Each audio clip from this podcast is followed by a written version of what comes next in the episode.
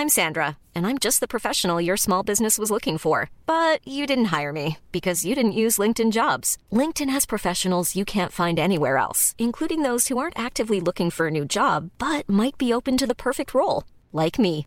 In a given month, over 70% of LinkedIn users don't visit other leading job sites. So if you're not looking on LinkedIn, you'll miss out on great candidates like Sandra. Start hiring professionals like a professional. Post your free job on linkedin.com/people today.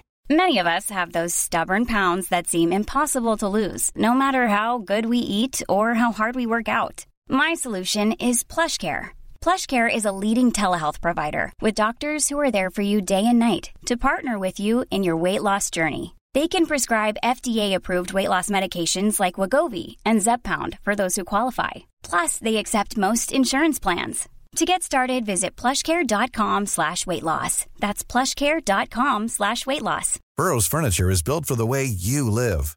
From ensuring easy assembly and disassembly to honoring highly requested new colors for their award-winning seating, they always have their customers in mind. Their modular seating is made out of durable materials to last and grow with you. And with Burrow, you always get fast, free shipping. Get up to 60% off during Burrow's Memorial Day sale at burrow.com slash ACAST. That's burrow.com slash ACAST. burrow.com slash ACAST. Jag, ville, jag, jag tog en one-on-one med dem en dag, allihop. Så då satte jag mig ner i, jag bokade in tio timmar i sträck och så sa jag att jag vill ha eh, en kvart per person. Eh, så gjorde jag det. Välkommen till Casual Business featuring Geos. Idag får ni Casual Businessa med mig, Melker Adelsson och Gustav Boder och hör de ofiltrerade tankarna hos några av Sveriges absolut främsta entreprenörer. Med oss i studion har vi även Anna Wollby och Fredrik Tegebro från nätverket Young Entrepreneurs of Sweden och ett helt gäng entreprenörer. Vi kommer prata om rekrytering, magkänsla mot struktur och höra hur några av Sveriges ledande entreprenörer resonerar. Planen för ikväll är som vanligt att vi har ett gäng frågor som vi kommer ställa, vi får se hur många vi hinner med. Men ordet är fritt och det är bara kul om det inte låter en fråga släppas med ett för enkelt svar eller vinkel. Och målet är att vi ska få så många insikter som möjligt. Jag tänker att vi, vi kickar igång där och ja, välkommen Rickard, kul att höra din röst nu också. För, för de som inte vet vad du gör eller vem, vem du är, vill du köra en kort intro? Eh, driver ett gäng IT-företag eh, inom business to business, inom hosting och domäner och IT-säkerhet.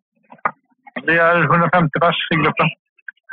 Det är ett himla gäng att hålla koll på i typ tio länder eller någonting. Jag har absolut hålla koll på hur många länder det är i. Men eh, det är en himla massa människor i alla fall. Det är roligt. Men eh, fan, vi, vi har att göra. Mycket med rekrytering. Jag vet inte hur många hundra jag har rekryterat. Så det är alltid ett hett ämne. Alltid en diskussion. Ja, men verkligen. Och jag, jag fick lite, lite, jag vet inte om det är inside-info, men jag hörde i alla fall att du rekryterar in vd till dina bolag så du kan fokusera mer på strategi och sälj. Vad, så, vad är för och nackdelar med det? Ja, jävligt bra fråga. eh, alltså, te- teorin är ju att man ska försöka få bort sig själv från operations så mycket som möjligt. Eh, nu har vi gjort det kanske när vi kommer upp till 20-30 miljoner omsättning. Då brukar vi försöka göra det. Eh, och få in extern styrelse, extern vd, extern... Det mesta egentligen så att man själv inte fastnar i de här men, dagliga hårgrejer, dagliga ekonomigrejer, dagliga ja, men, saker som egentligen bara tar tid men inte bygger någon bolagsvärde. Men ändå är problem som måste lösas. Vi har i Windsor till exempel har vi nu sista, bara sista halvåret fått in en helt en ny styrelse och anställt massor med folk just för att bygga upp det bolaget. Det är både styrelse, vd och få in bra management. Men det är en process. Alltså det är ingenting man gör över en ett kvartal. Det tar två år att göra. Att Göra det, hela den förändringsprocessen. Vissa bolag kan göra det lite snabbare, vissa kan göra det långsammare. Men typ ett år till två. Mm, ja, det låter ju som en riktig eh, omställning verkligen eh, mot att driva det själv. Vad, hur var det första gången du gjorde det? Eller hur, hur gick det?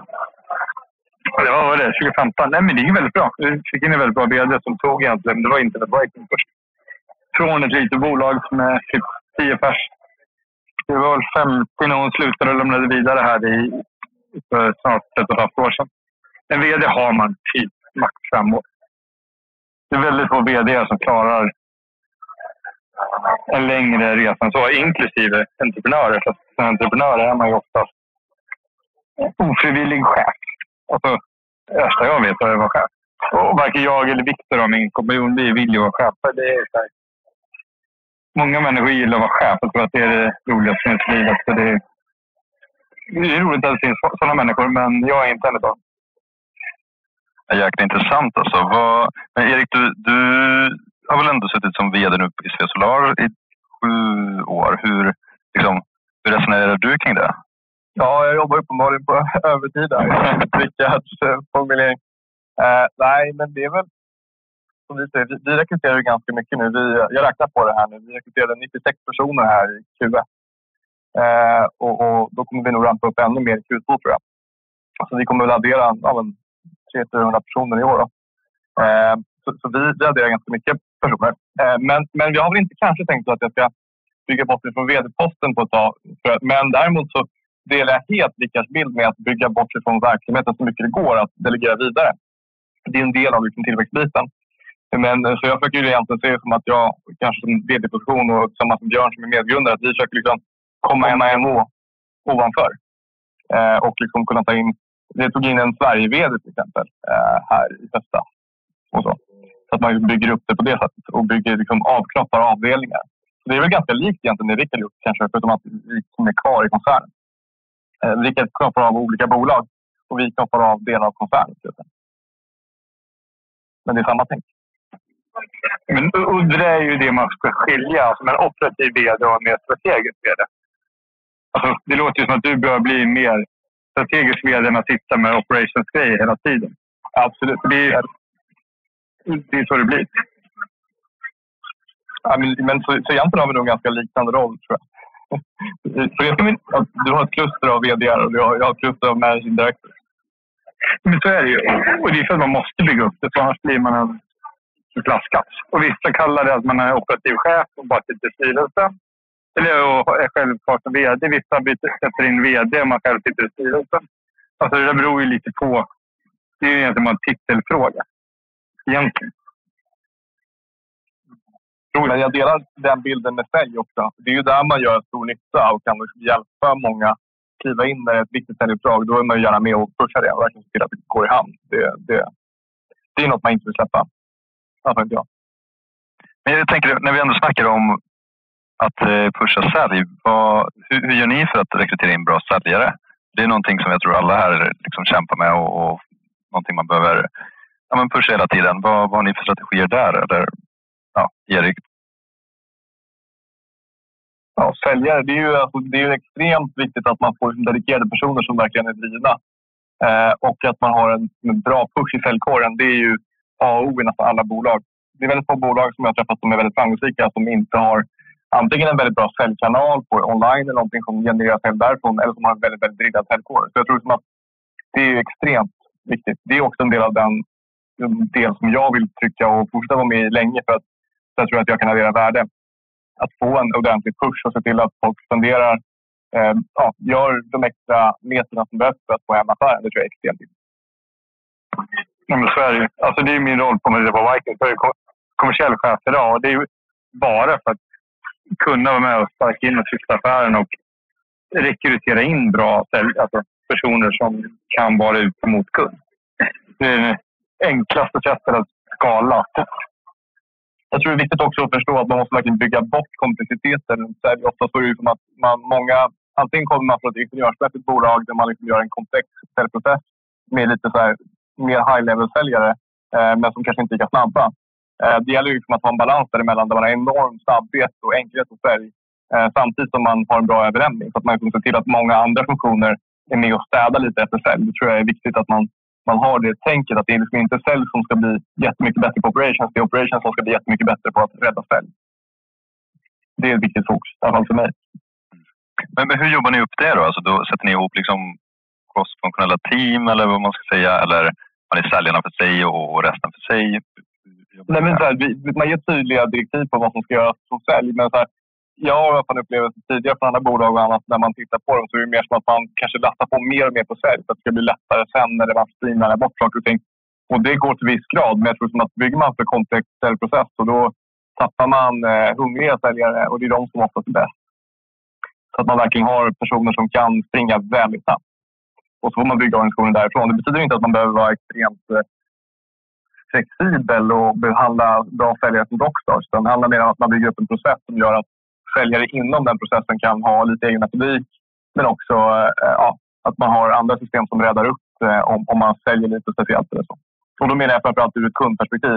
Många säljer, man vill ju ha standardiserat kunderbjudande eh, men man vill också kunna ge kunden eh, specifika saker. Och där tror jag många bolag tappar bort sig. Framförallt storbolag. Jag tänker lite också om vi, om vi, om vi backar några steg. För det vi pratar om här är ju dels viktiga processer i bolagen och så, men också de talanger som finns i bolagen. Eh, och jag vet inte vilka av er som var med igår, men vi hade ett samtal med Alva Labs och Team Taylor om liksom, rekryteringsprocesser, hur håller man dem varma? Och där var en tanke som kom att man till exempel för säljare som är så viktigt för bolag, att man har kontinuerliga processer igång. Hur tänker ni där? Kör ni när ni har behov av folk eller har ni liksom processer som ligger liggande och annonser eh, hela tiden? Ja, just fram tills nu har vi bara rekryterat efter behov, men det där är ju en intressant fråga för att man vill ju fånga en duktig person när man hittar dem. Och det är inte alltid eh, liksom 100% att man gör det när man vill hitta dem. Eh, så det är kanske bättre att signa off mot en takt än kanske en viss roll, för det blir väldigt trögrörligt. Liksom. Jag vet inte, ja, vi är precis i det läget att vi börjar skala nu, vår organisation.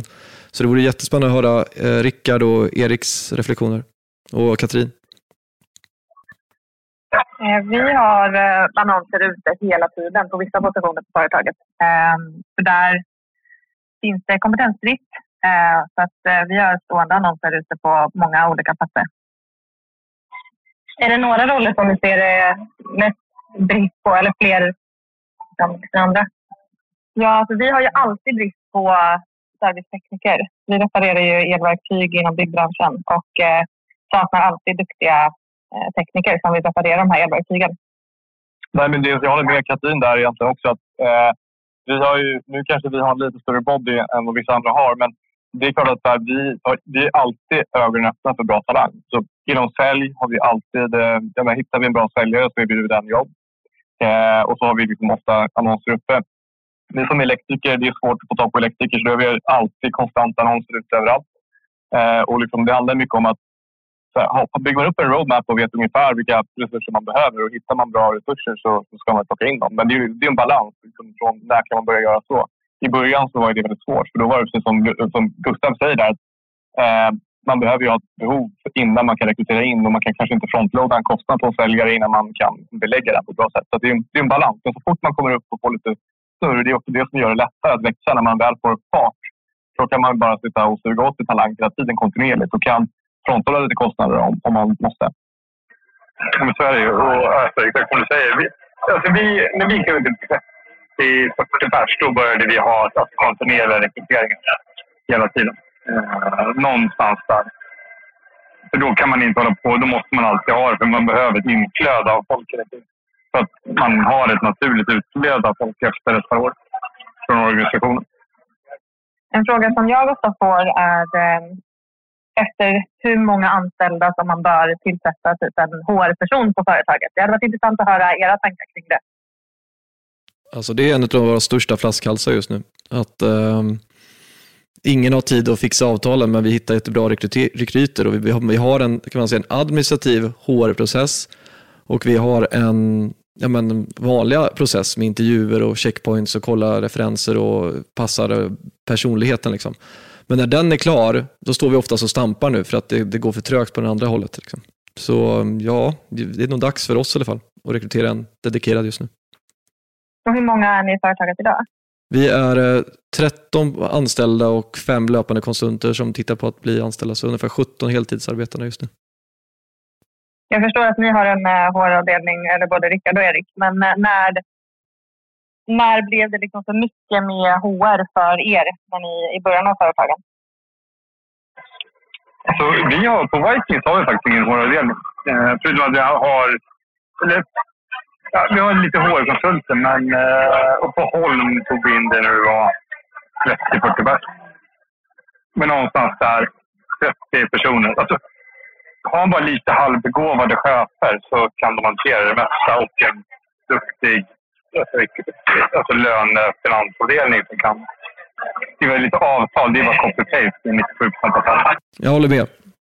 Absolut, men det, problemet liksom vi ser är just att någon måste äga alla processer också. Och så blir det att vi rekryterar liksom i fyra olika kan man säga, avdelning, avdelningar och så blir det en som hela tiden får ta flaskhalsen och så har den, ja, i vårt fall och vår vd som har tusen andra saker att springa på och så ska den liksom ha de här administrativa tasksen över på. Liksom. Och nu såklart, det är så frågan på hur snabbt man växer. Vi, vi planerar att växa väldigt snabbt från och med nu, så fram tills nu så kommer vi lösa det och jag tror inte vi kommer anställa en HR-person förrän i slutet på året, kanske början på nästa år. För då är det då vi ska kanske börja, det är då det börjar bli som du säger, att ha utestående annonser. Nu måste vi fortfarande hålla liksom bodyn nere och skapa resultat. Liksom. Vi byggde upp en eh, process de senaste året egentligen från att vara väldigt stokastiskt, egentligen ganska ostrukturerat till att vi använder bland annat Teamtailor eh, och andra verktyg där vi liksom bygger en process. Men om det är någonting jag skulle gå tillbaka och gjort eh, så är det nog att lagt mer fokus på HR-funktionen tidigare hade kostat oss mycket mindre huvudvärk. Ehm, alltså om det är en kostnad man kanske vill frontloada om man har möjlighet att göra det så är det ju kanske Eh, ökad finansiell kontroll tidigt och ökad fokus på HR för att få strukturer och processer. Nu liksom gör vi eh, en anställning om dagen, eh, eller vad vi ligger på nu ungefär, så eh, tar det väldigt lite admin. Eh, och då är vi ändå en ganska liten HR-funktion. Vi är i praktiken fyra HR-personer eh, på 500 personer, så en knapp procent av de anställda. Okej, men, men har ni någon sån story där det verkligen bara, det behöver, Alltså där det verkligen har gått helt fel. Det behöver inte vara så att det blivit jättestor damage för verksamheten, men bara det ni märkt, vi gjorde den här rekryteringen, det blev bara helt fel. Vi hade, alltså vi hade en chef på processen 2014 eh, som visade sig vara mytoman.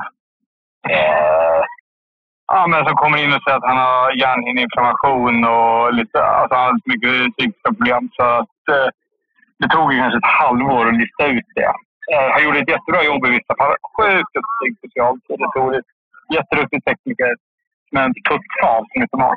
Men sen sjukskrev sig för hjärnhinneinflammation och eh, visade sig att han eh, drog till Paris och med sin flickvän. Vi gjorde också en ganska jobbig... Eh, eller vi köpte upp ett bolag, en verkstad, 2019. Så där var ju inte vi inne och liksom anställde den personen, Vi fick med den personen på köpet eh, och gav den personen alldeles för mycket cred och en, en alldeles för hög roll i början. Och det tog närmare ett halvår innan vi insåg hur förödande det var för den verkstaden. Vi litade alldeles för mycket på att den personen hade koll på den verksamheten i och med att han hade jobbat där i flera år.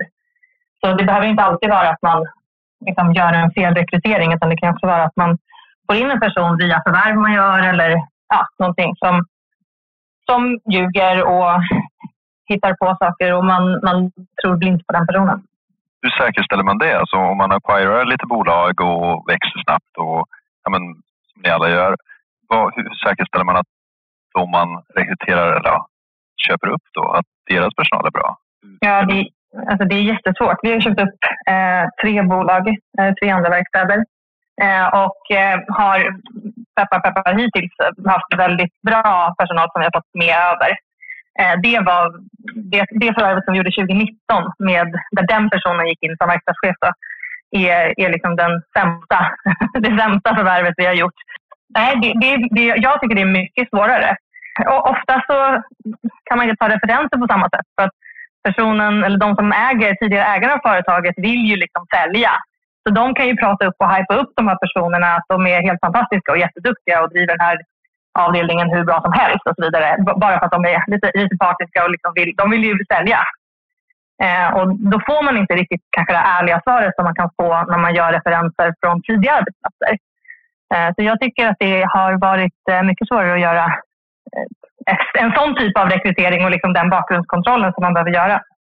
Vad tänker du Erik? Du har ju till och med köpt upp ett bolag som inte är svenskt.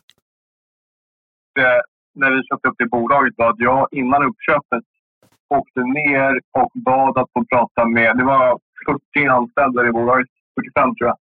Jag, ville, jag, jag tog en one-on-one med dem en dag, allihop.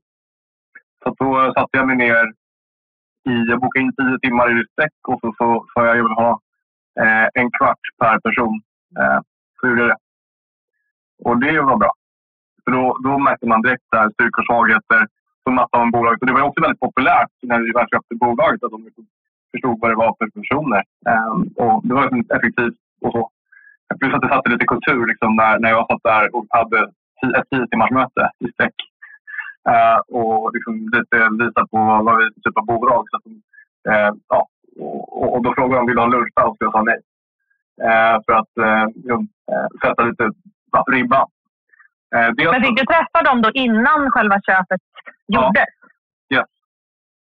Det var en del av köpet. Det var ett krav från min sida. Jag vill personligen träffa ja. hela förslaget. Allihop. Men, men vad ser ni är liksom det viktigaste när man bygger ett team när man är liten kontra när man är ja, men över 50 pers eller över 30 pers? Vad, vad är den största skillnaden? Och liksom, vad är det viktiga när man är liten och vad är det viktiga när man är ja, men lite större? Ja, men jag tror så här, när man är mindre så är ju liksom, generellt sett, om man, om man inte heller har tagit in pengar, så har man ju, liksom, då är ju kostkontroll extremt viktigt om man håller låga kostnader. Eh, men alltså, det är ofta en del i liksom, vilken typ av bolag man vill bygga. Eh, för det är, som, är man ett litet bolag som inte ska skala uppåt, ja, då är det en helt annan typ av bolag. Men om man har ambitionen att växa och växa fort, då är ju liksom rapporteringsstrukturer i form av HR och liksom rekryteringsstrukturer och eh, finansiell uppföljning extremt vitala. Alla liksom, de typer av funktioner.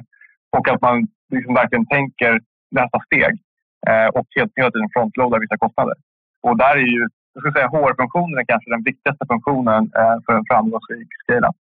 Eh, förutsatt att man har en bra produkt och ligger i fas med andra delar.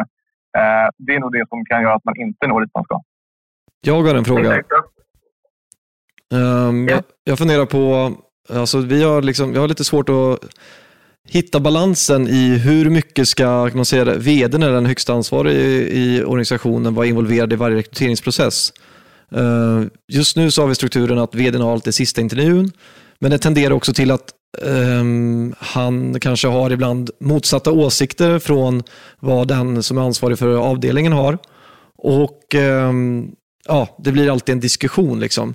Eh, jag anser att den är sund, men också ibland tidshämmande och lite kontraproduktiv. Hur jobbar ni själva och vem är det som alltid har sista ordet? Är det, är det den områdesansvarige, den som har erfarenhet i den nischen?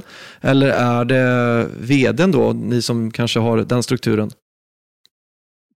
Om det inte finns med i årets budget, alltså om, om det inte finns med att det ska rekryteras x antal personer på en avdelning, om man går utanför det eller behöver liksom, rekrytera fler, då kliver jag in som vd och är med i den processen mer än om eh, det, liksom, det kommer en, en chef för en avdelning till mig och säger att under kommande år så ska vi rekrytera x antal personer.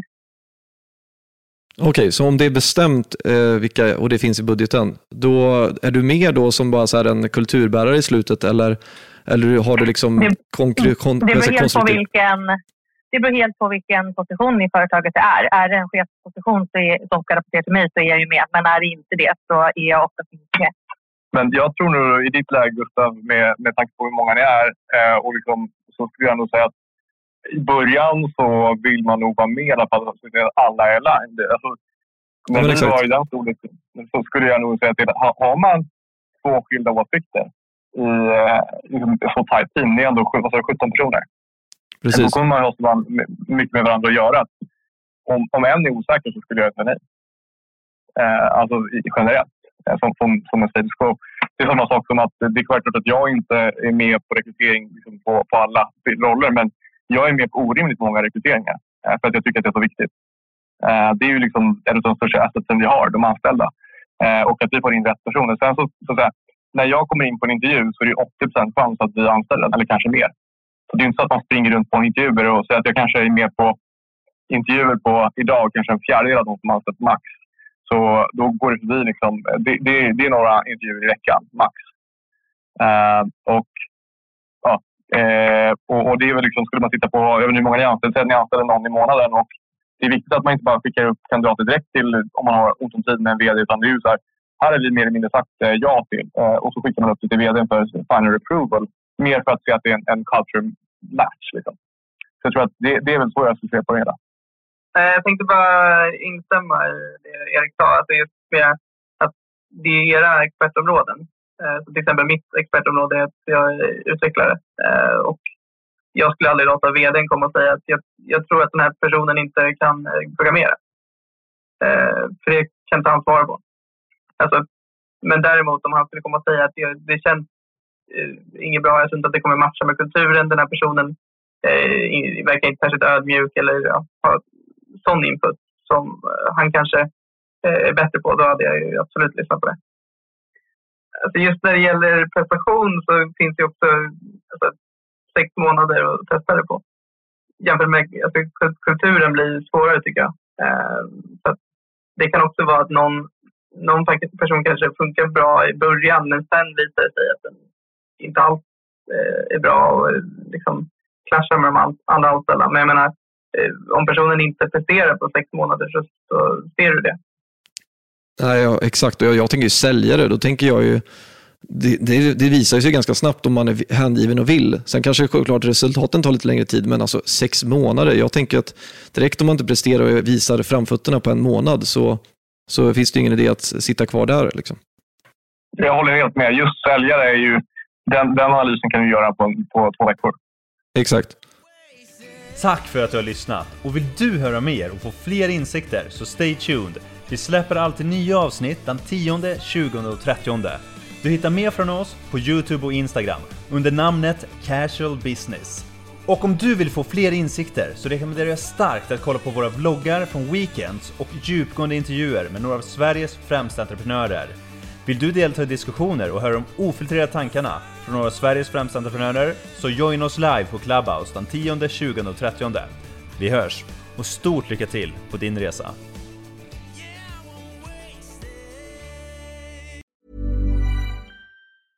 Imagine the softest sheets you've ever felt. Now imagine them getting even softer over time. That's what you'll feel with Bowl and Branch's organic cotton sheets. In a recent customer survey, 96% replied that Bowl and Branch sheets get softer with every wash. Start getting your best night's sleep in these sheets that get softer and softer for years to come. Try their sheets with a 30-night guarantee. Plus, get 15% off your first order at bowlandbranch.com. Code BUTTERY. Exclusions apply. See site for details. Hi, I'm Daniel, founder of Pretty Litter. Cats and cat owners deserve better than any old-fashioned litter. That's why I teamed up with scientists and veterinarians to create Pretty Litter. Its innovative crystal formula has superior odor control and weighs up to 80% less than clay litter. Pretty Litter even monitors health by changing colors to help detect early signs of potential illness. It's the world's smartest kitty litter. Go to prettylitter.com and use code ACAST for 20% off your first order and a free cat toy. Terms and conditions apply. See site for details. Planning for your next trip? Elevate your travel style with Quince. Quince has all the jet setting essentials you'll want for your next getaway, like European linen, premium luggage options, buttery soft Italian leather bags, and so much more and is all priced at 50 to 80% less than similar brands. Plus, Quince only works with factories that use safe and ethical manufacturing practices. Pack your bags with high-quality essentials you'll be wearing for vacations to come with Quince. Go to quince.com/pack for free shipping and 365-day returns.